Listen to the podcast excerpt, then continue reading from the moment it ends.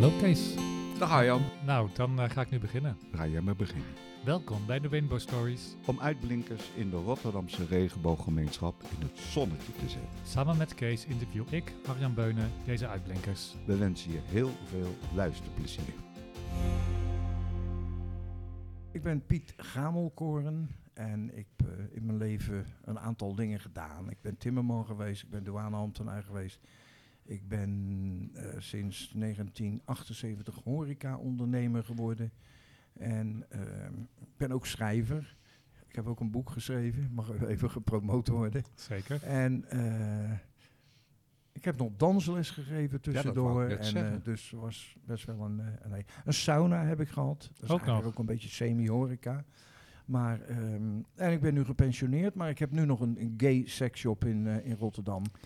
En ehm, ja, dat is geweldig. Vanmiddag heb ik ook weer een paar uurtjes gewerkt en zo. Alle mensen die binnenkomen, hetero, homo, alles, eh, eh, hebben het allemaal naar de zin. Komen allemaal met plezier binnen en zo. Dus ik zou dit niet willen missen voor geen goud. En ga met plezier de deur weer uit, hoop ik. En nog meer plezier dan dat ze binnenkomen, Ja, ja, ja. inderdaad. Ja. Ja. Nou, je hebt in je cliëntele ook veel transpersonen, dacht ik. Wat- Ja, er komen ontzettend veel eh, transpersonen, en eh, met name uit Colombia. Ja, En eh, dat is altijd lachen. Komt er eens een die, die kan ze binnenkomen. Hallo papi. Weet je wel zo van. en dan aan het eind, als ze wat gekocht hebben. Condooms natuurlijk in, in per 144. En als ze dan wat gekocht hebben. En dan zeg ik cash or pin. En dan geef ik jou te raden wat ze meestal zeggen. Zal wel cash zijn. Ja, inderdaad. Het is allemaal cash. Ah, die hebben niet zo'n klein wit eh, dingetje waar Nee. je dan mee eh, kan... Nou, er is er wel één die altijd Oh. met, een, eh, met een kaart betaalt. Maar de rest is allemaal contant. Heeft ook zo zijn voordelen, hè? Nou, misschien is het eh, qua chronologie handig om te beginnen bij, Bij het begin. bij het begin. Toen Piet een Pietje was. Ja, t- ja dat, even mijn jeugd, zeg maar. Ja, Dat is ja. vanaf het begin. Nou, ik ben geboren in eh, Rotterdam-Zuid, de wijk Bloemhof. Dat was en is nog steeds een, ehm, een volksbuurt. En mijn vader was havenarbeider. Dus het was, eh, we hadden niet echt armoe, maar ook geen rijkdom. Het was gewoon... eh, eh, mijn moeder zei altijd, er komt nog wel eens een tijd dat je je vleesstanden kan uittrekken. Als we zaten te klagen over dat er een beetje te veel vet aan het vlees zat, bijvoorbeeld. En het, was, het was gezellig, simpel. we- hadden niet veel en toch eigenlijk weer alles. Maar ja, als je dat vergelijkt met de, de huidige tijd natuurlijk. Met, eh, als, ze, als ze vijf zijn en ze zeggen, maar, er wordt gevraagd wat ben je voor je verjaardag. Dan willen ze een iPad of een, eh, of een telefoon en zo. Eh, niet in alle gevallen. Maar, en dat Mhm. was natuurlijk toen allemaal, ja wat hadden we? Een, een bomtol en een, en een gewone tol met zo'n touwtje die je dan... En Oh, je had meerdere tollen wel, dat wel. ja, was wel meer, meerdere tollen, Oké. ja. Ja. We tolden wat af. Later werd dat dollar, maar goed, dat, daar komen we nog wel op. En toen ik wat ouder werd, was natuurlijk een oudere broer hebben is altijd makkelijk. Want als ik ruzie had, dan haalde ik mijn broer erbij. Dat eh, kan ik me nog wel een beetje herinneren. Ehm, dat was, ehm, ja, het was een simpele, maar mooie tijd. Ik ben niets tekort gekomen. Ik, heb, ehm, ik kan nou niet echt zeggen dat ik heel veel liefde van mijn ouders heb gekregen.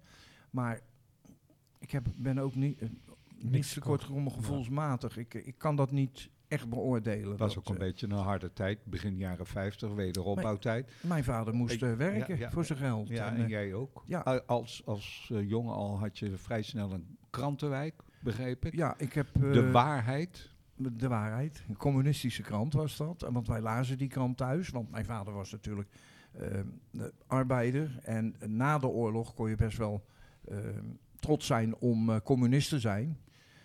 Maar het, eh, halverwege jaren 50 ging dat natuurlijk kantelen, kantelen met die inval in... Wat was het eerste?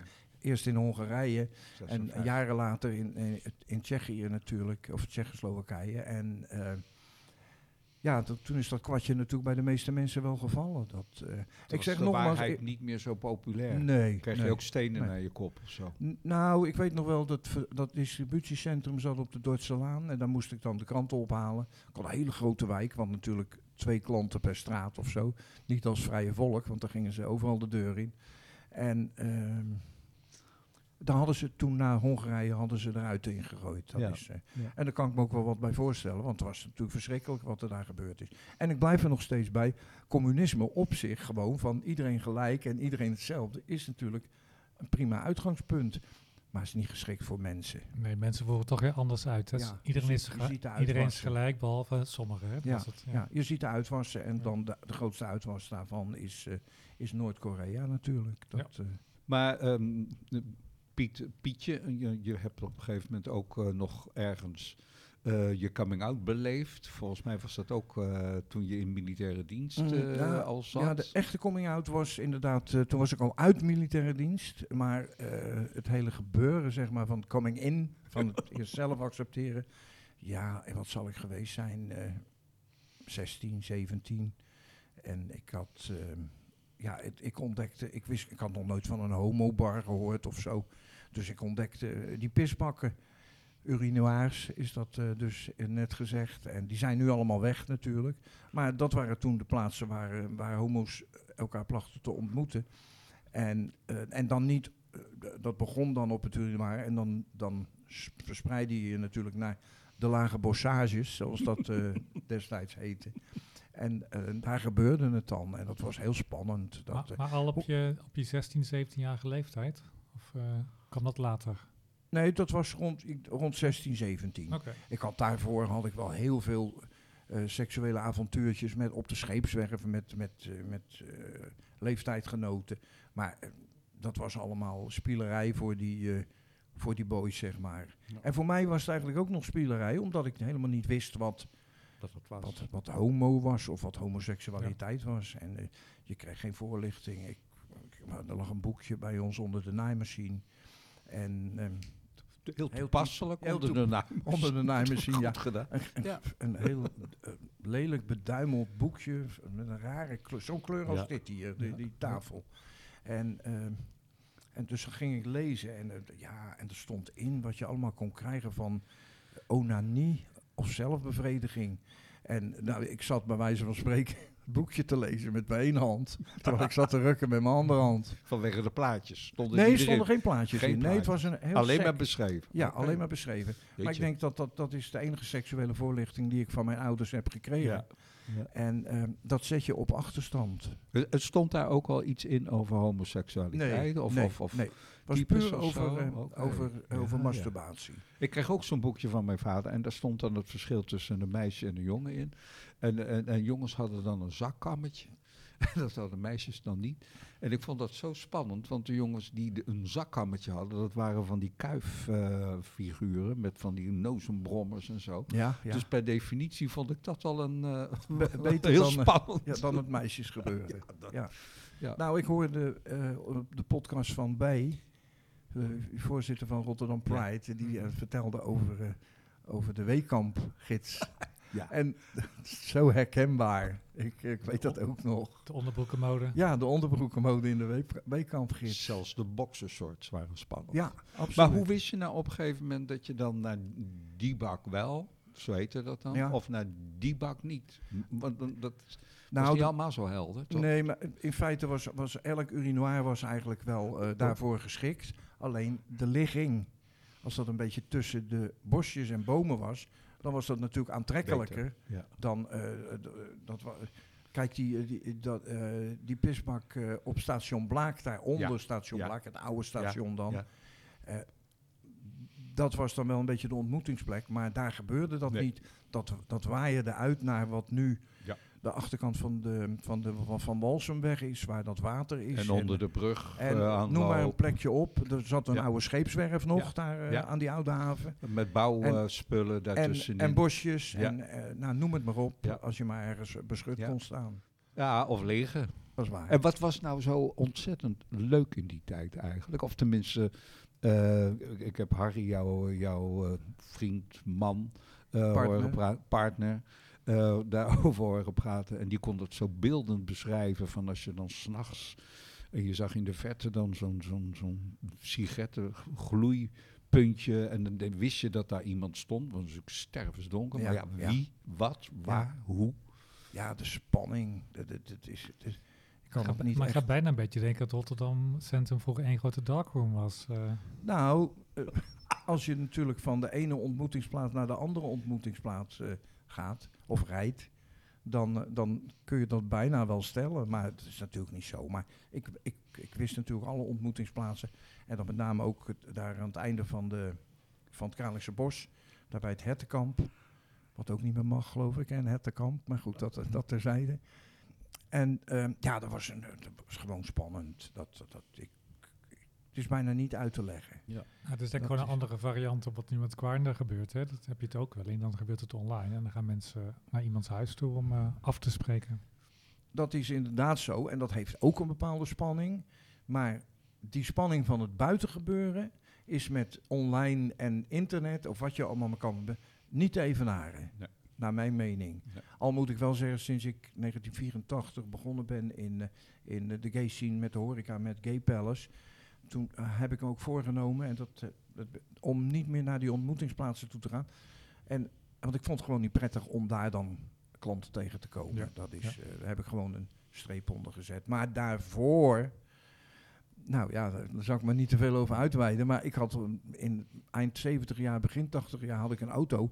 En die gebruikte ik maar voor twee dingen. Om naar de groothandel te gaan voor, voor de sauna. of te cruisen. te cruisen. Etteleur, Hilversum. Oh, zo. Ja, ik ging, ik, ik ging al heel vroeg landelijk. Ja. Nou ja, dus ik, was, eh, ik werkte eh, bij de douane. Ik gaf dansles. Drie, drie of vier avonden in de week. Ik werkte in mijn vrije tijd dan ook nog in Sauna Slank. Dat wa- was de eerste gay sauna in de Balseminstraat in Op Rotterdam-Zuid. Ja. Daarvoor was het een gemeentebadhuis. En ik woonde er om de hoek. En toen ik een jaar of tien was, we hadden natuurlijk geen douche.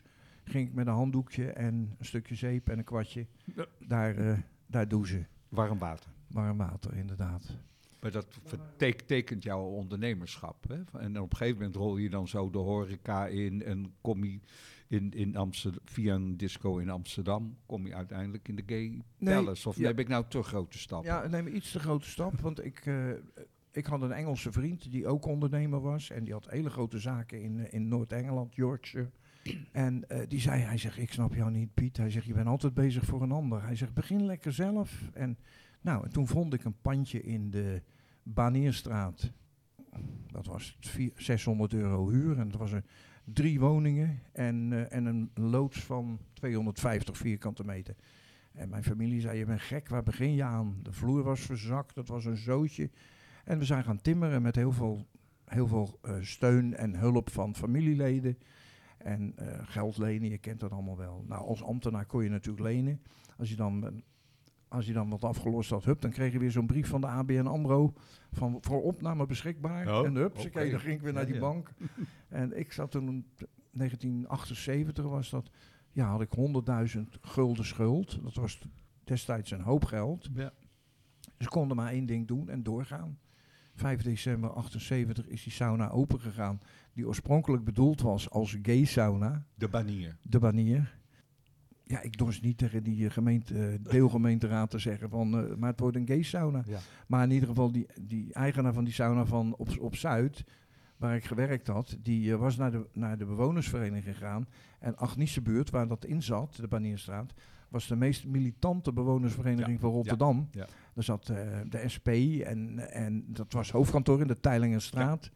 En ehm, dus ja, ik dorst niet te zeggen voor een gay sauna. En toen zijn we gewoon een sauna begonnen. Lid geworden van de Nederlandse saunavereniging. Ik heb mijn, eh, mijn brevet gehaald voor sauna-ondernemer. En, ehm, en toen liep de relatie stuk. En hoe ging het dan verder met de sauna?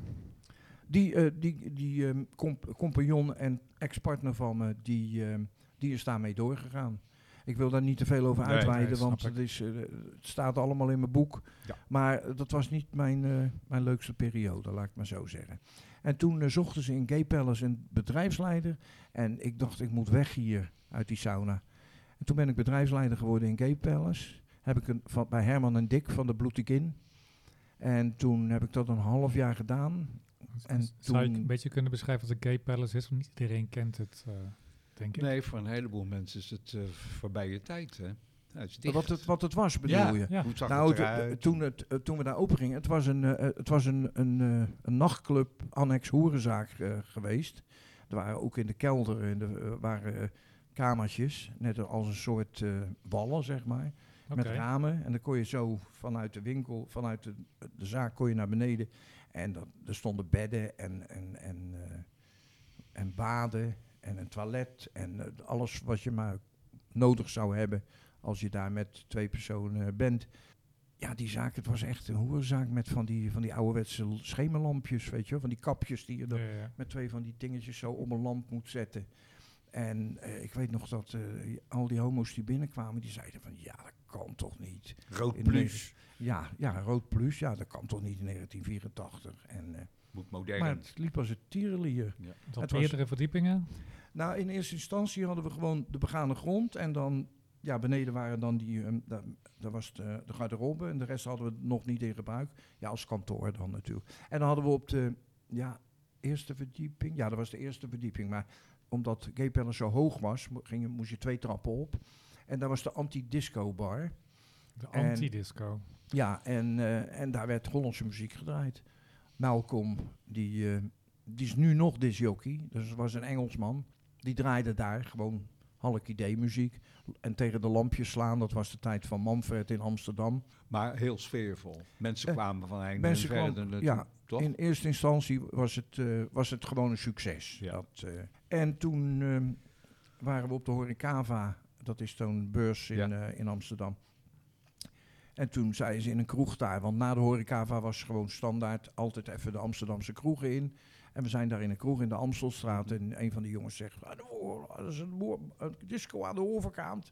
Dat was een, eh, Greuninger of zo. En hij zegt, dat is zo zonde en dat staat al een half jaar leeg. En nou, en Herman en Dick hadden daar helemaal geen oren naar. Want die hadden genoeg in Rotterdam te doen. Met de kledingzaken en de Bloeting In en de Gay Palace.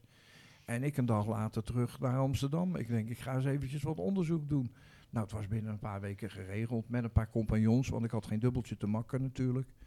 En toen zijn we daar de Gay Life begonnen. Hetzelfde systeem als Gay Palace. Vijf gulden entree met een gratis drankje. En het liep voor geen meter. Al die Oh. Amsterdammers lieten het afweten. En toen, toen sprak ik met een Amsterdamse jongen die vaak in de horeca kwam. Hij zegt, Piet, hij zegt, gewoon doorgaan. Concept is goed. En, maar we hadden die vijf gulden er al afgehaald natuurlijk. Oh. En eh, dus was gewoon gratis Binnen. naar binnen. En, eh, en toen was het in mei waren we begonnen. Mei, ja, mei. En in augustus hadden we 900 man binnen op zaterdagavond. Als ik toen die vijf gulden had gepakt, dan was het helemaal een succes geworden. Maar dat kon niet meer teruggedraaid worden. Maar Amsterdam was mijn ding niet. Dat is, eh, ik heb Hoe lang heb je het volgehouden? een jaar. Een ja- Nou, kijk aan. Ja. En toen En weer terug. Ja, ik had de mazzel dat die Engelse vriend van me, die had een, eh, een hele mooie flat op, op de Keizersgracht. En die was er nooit, dus wij konden daar gewoon, als we in Amsterdam waren, konden we daar slapen. En hij, hij kwam toen ook met de mededeling dat ze die flat gingen verkopen. En, en toen werd ik gebeld door ehm, een een kroegmaatje uit de Cosmo, Willem eh, Brinkhoff, van... ehm, joh, Herman en Dick willen van de Gay Palace af, zullen wij dat samen doen? En dat hebben we gedaan. Ja, dat was een succes eigenlijk. Dat, eh, dat Gro- ging, Willem was heel zakelijk. Groot echt- succes, want ook daar stonden de mensen buiten te wachten Ja. tot ze naar binnen konden. Nou, toch? nee. nou niet in het begin, het maar is op een gegeven moment wel. Het is wel eens gebeurd, maar niet zo heel vaak hoor. Maar, maar het liep gewoon goed. En eh, nou, toen kregen we in 1986 eh, werd de zaak in de brand gestoken. Dan Zo. denk je dat je er bent en dan ben je weer helemaal terug bij af. Want eh, Weet je ook de ik achtergrond daarvan? Hoe dat is gegaan? Eh, het is echt eh, via het dak aan de achterkant hebben ze een luik weggehaald en Hm. brandbare vloeistof naar binnen gegoten. Dus dat is allemaal wel bekend. Dus ik zat, sommige, ik, zat ik was in Amsterdam, dus als een speer naar Rotterdam gegaan. Want een, een vriend van een tante van Harry die belde, er is iets aan de hand. Want ik zie brandweerwagens bij de Gay Palace. En, eh, dus ik zat s- s morgens om tien uur in dat politiebusje voor de deur. Ja. En dan word je natuurlijk gelijk doorgezaagd door de politie. Nou, en toen kwamen ze erachter dat, eh, dat we waren verzekerd voor 300.000 gulden. Terwijl we een schade hadden van 600.000, 700.000 gulden. Eh, dan gaan ze Ja. niet verder spitten van of je er zelf achter zit. Dus wij zaten echt tot onze Ja. oren Ja. in de schuld. En Willem was heel voortvarend. Die was, hup, bij de bank zat hij op bureau te slaan. Moet nu geld hebben. En voorschot natuurlijk. Want die aannemer moest gaan beginnen. Ja. Het was 29 augustus 86 dat het in de brand gestoken werd. En we zijn op 30 oktober, september, oktober, ja, 30 oktober open. Twee maanden de tijd. Zo. En de, moet je nagaan, de eerste twee weken gebeurde er natuurlijk niets. Want er moest onderzoek gedaan worden. Toen moest er natuurlijk gerenoveerd worden. Dan komt er zo'n brandsaneringsbedrijf om alles eruit te halen, om die lucht eruit te krijgen. Is, is, is, is nog duidelijk geworden hoe dat nou in, in de fik is eh, Nee. gegaan? Nee. Eh, zijn het conculega's? Eh, dat, dat, dat dachten wij in eerste instantie, want ik ga geen namen noemen Nee. hier, eh, dat vind ik niet gepast. Maar ehm, ik heb van die meneer die uiteindelijk ehm, de Gay Palace van mij gekocht heeft in 1994, die heeft mij toen eens een keer gezegd, hij zegt, ik weet wie het gedaan heeft. Oh. Nou, maar ik heb ja, verder niet gevraagd. gevraagd, Ik, nee. Wat heeft het voor zin? Je nee, komt daar tien jaar later heeft het natuurlijk ook Nee, geen zin. En, en eh, de start van eh, de Gay Palace was ook zeg maar een, een, een, nieuw uitgaansconcept in Rotterdam. Want je, je had ook eh, filmruimtes beneden. Er was een, een leerbar bij. tenminste, die was vlak Ja, de, ja, de een, leather, shaft. een leather and jeans bar, Ja. zoals wij dat dan noemen. En de antidisco bar was er ook nog misschien? Nee, dat is de shaft geworden. Oh, dat is de shaft. En we hebben toen via het zijpand, was ook een ingang naar boven. Daar is toen de ingang, een gat in de tussenmuur gemaakt. En dat werd de ingang van de, van de shaft. En toen had ik daarboven had ik ook nog een ruimte verhuurd aan de RVSH. Dat is de Rotterdamse afdeling van de NVSH, de Nederlandse Vereniging Mhm. voor Seksuele Hervorming. En die wilden die ruimte huren. En dat hebben ze gedaan. Ze hebben hem zelf helemaal verbouwd. En die hebben daar een paar jaar gezeten. En dus ik had op dat moment dus echt alle seksuele minderheden die je maar kan bedenken binnen. Want NVSH die had, nou ja, t- eh, TNT heette dat, eh, eh, transseksualiteit en travestie. En ehm, pedo's waren er in die tijd ook natuurlijk. Die, die Martijn. waren ook lid. Nou, ik was Ja, nog geen club. Martijn toen, maar Ja, dat was... zoiets. Ja. ehm, eh, het was niet zo dat daar ook kinderen kwamen. nee, hoor. nee, Dat nee, is, maar mensen die wel. daar een uh, Even, maar die, ja, die, gaan, die zaten daar dan te praten of zo. Dat, gespreksgroepen. ja, ja. Ja, je staat niet alleen bekend als zeg maar een ondernemer in, in de gay scene en nu ook nog de gay toys eh erachteraan. Maar je hebt ook allerlei projecten gedaan eh, in, in de stad. Eh, kun je daar nog iets over vertellen? Hoe je de programmering in, in de museumpark ben je bezig geweest? Je hebt ook nog andere dingen gedaan, rond Wiegmanhuis. Ja, ik ben, ik ben jaren vrijwilliger geweest van de GGD. En dan gingen we voorlichting geven en folders uitdelen en condooms uitdelen op ontmoetingsplaatsen. En ehm, ja, ik stelde de, de Gay Palace ter beschikking aan de HIV-vereniging om avonden te organiseren voor het eenjarig bestaan bijvoorbeeld. En dan ging de hele opbrengst ging naar de vereniging. En dat Ron Wiegmanhuis, had je daar ook nog... Eh, nou, daar heb ik persoonlijk niet zoveel Nee. mee te maken gehad. Maar ik kwam er natuurlijk wel eens vanuit mijn GGD-positie. En dan, ik kan me nog herinneren dat ik een gesprek heb gehad met een, met een meneer die ik, waar ik af en toe nog wel een beetje contact mee heb. En, maar die kwam uit een streng religieus milieu. En die had ook HIV. En daar zat hij, hij zat, hij liep klem, hij wist het niet meer. En eh, ja, ik ben, ik ben geen pastoraal werker of zo, maar ik, eh, ik heb hem toch even geprobeerd een beetje. Ik zeg, joh, ik zeg, neem daar nou afstand van. Want ja, als je alles via eh, je religie moet, eh, moet gaan, eh, gaan volgen, dan kom je niet veel verder natuurlijk. Dus dat, dat is, en, en ik, er waren altijd wel bijeenkomsten in het Ron Wichmanhuis dat ik er kwam natuurlijk. Maar echt actief bij het Ron Wichmanhuis betrokken Niet, ben ik niet nee. geweest. Dat, En als we naar nu gaan, want Rotterdam is natuurlijk een hoop veranderd door de jaren heen. En je, hebt er middenin, je staat er middenin eigenlijk nog steeds, hè? ook met, met, je, met je huidige winkel. ja. Wat valt je op? Wat, waar ben je heel erg blij, verrast over? En wat denk je van, oh, je maakt me een beetje zorgen om? Eh, nou, wat me opvalt is natuurlijk, en dat valt iedereen op, dat er gewoon veel minder. Ik heb nog een lijst uit eh, van de- 25 jaar geleden, 30 jaar geleden. Ja, dat is een, hele A4 vol geschreven met, met, met, met horecabedrijven en andere eh, bedrijven die, eh, ehm, die gay georiënteerd waren. En dat is natuurlijk erg geslonken de laatste jaren. Eh, mede door de invloed van internet en, en, en andere alternatieve media. En, ehm, dus ja, oh, ik, ik kan niet, niet zeggen of dat een goede ontwikkeling of een slechte ontwikkeling is. Maar het is gewoon een ontwikkeling. En de ontwikkeling kun je niet, niet stilhouden, niet stilzetten. Het is, er is geen, geen gay sauna meer in Rotterdam. Er, Er is geen enkel eh, bedrijf meer met een darkroom. En ja, daar kun je het, eh, het jou over denken. Dus ik denk dat er ongetwijfeld ook homo's zijn die zeggen van... Nou, het is prima zo, dat hoeft voor mij niet.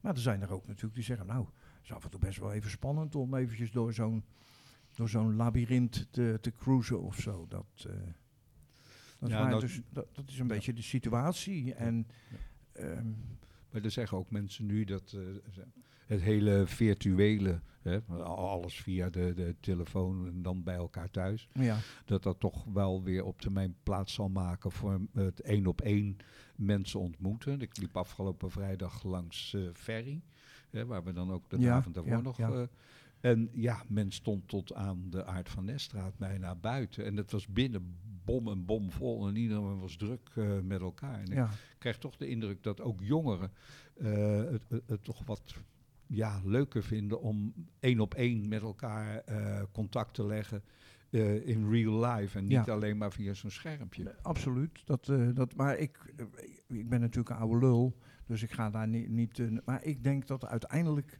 het wel weer enigszins teruggaat naar, eh, naar dat... dat eh, het ene wordt niet uitgebannen en het andere ook Nee. niet. Het blijft allemaal na, het blijft naast elkaar bestaan.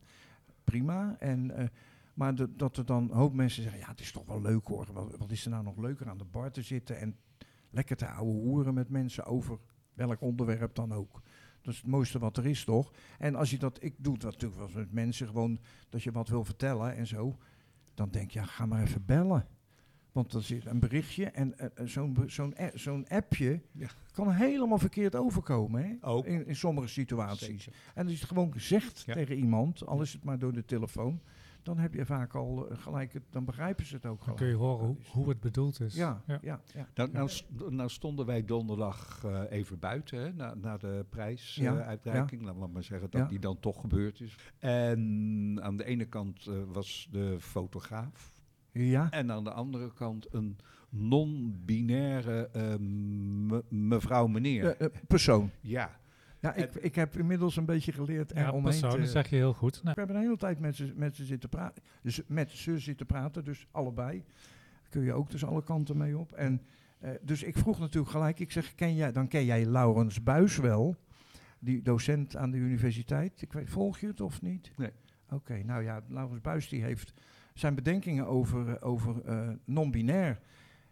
Hij ontkent het bestaan van die mensen niet, of het, weet je, Mhm. het bestaansrecht van die mensen, maar eh, we gaan daar niet te diep op in nu, want het is niet het, eh, het juiste medium. Maar ja, ik ben die man aan het volgen en nou, die man wordt verguisd door, eh, door links op dit moment. Oh, oké. Hij is echt, dus hij krijgt steun van Thierry Baudet en van Paul Cliteur en van de PVV, van Martin Bosma in de, in de Tweede Kamer. En heel links laat hem vallen, terwijl hij op bijeen gestemd heeft.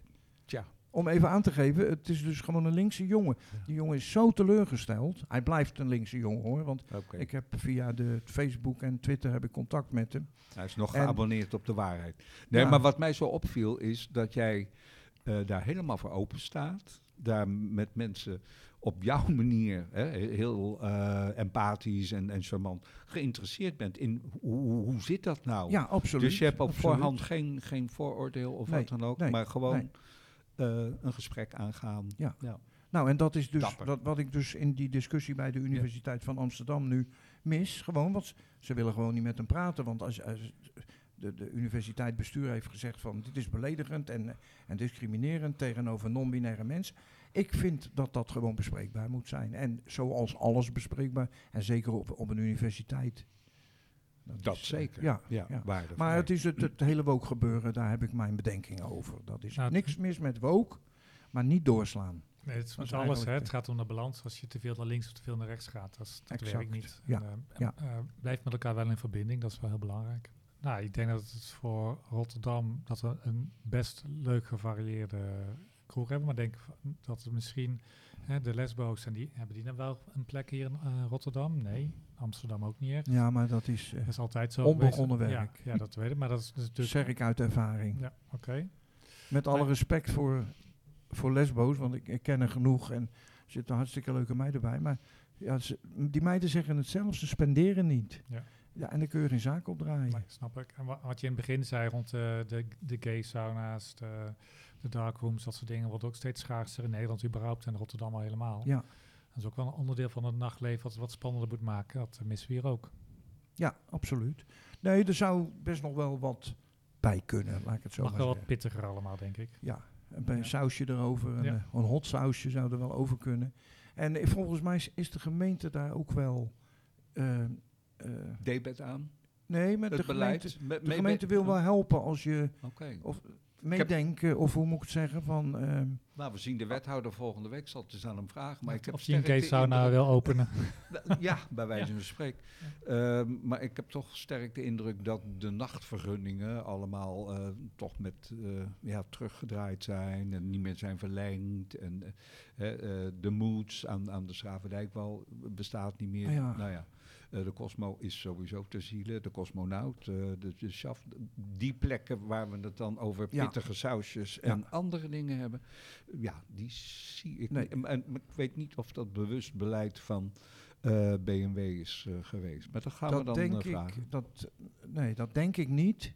Maar ehm, ik denk gewoon van dat er, dat er nog wel degelijk medewerking van de gemeente kan komen als je met een gedegen plan komt. Nou, In die sfeer. Ja, in die sfeer. Ja, het ja. zou, het- kijk, los of het je kopje thee is, hè, je cup of tea om het Engels te zeggen. Ehm, eh, als je een wereldstad wil zijn als Rotterdam, dan moet je ook een gevarieerd nachtleven hebben. En er horen ook dit soort dingen Ja, bij. Nee, dat ben ik 100% Nee, met dat, je dat- eens. het was ook onderdeel van dat eh, Gay Destination plan van een jaar of wat terug. eh, Jos Hoyschuur en, en Klaus Verbrugge, die hebben dat toen eh, zich sterk voor gemaakt. Waarbij je dus een 24 uurs bestemming voor Rotterdam eh, moest hebben. Waar onder andere dan natuurlijk ook een nacht eh, gebeuren. à la La Démence of eh, de Boets. ja. Maar ja, dat, dat is er niet van gekomen nog. Wie weet. Heb je nog verder dingen die bij je opkomen, of dat je de luisteraars wil meegeven, wat je Nou, Rotterdam nee. toewenst? Ik, eh, nou, ik vond eh, wat, wat B, B zei, eh, ik heb die podcast af zitten luisteren en zo. Gewoon van, eh, ja, wees een beetje lief voor elkaar. Het is al zoveel ellende. Is zo. Zullen we het daarbij laten? Ja, dan gaan we dat gewoon doen. Lief zijn voor elkaar. Oké. Gaan we nu een foto maken? Ja, gaan we Ja. dat doen? Oh, gezellig. Ga hem je nek hangen, Piet. Oh god, ja. Knuffelen. Bedankt. eh, Ja. Ik vond het erg leuk. Top. Dankjewel voor het luisteren naar deze Rainbow Story. Ze zijn te vinden op de gebruikelijke platforms zoals Spotify, iTunes en zoek dan op Rainbow Story of op Arjan Beunen. En ook zijn de Rainbow Stories te volgen op Insta. Ook zal ik over de Rainbow Stories vertellen in mijn blog bij oudinrotterdam.nl. Dus als je nog vragen, tips of ideeën hebt, kom maar op.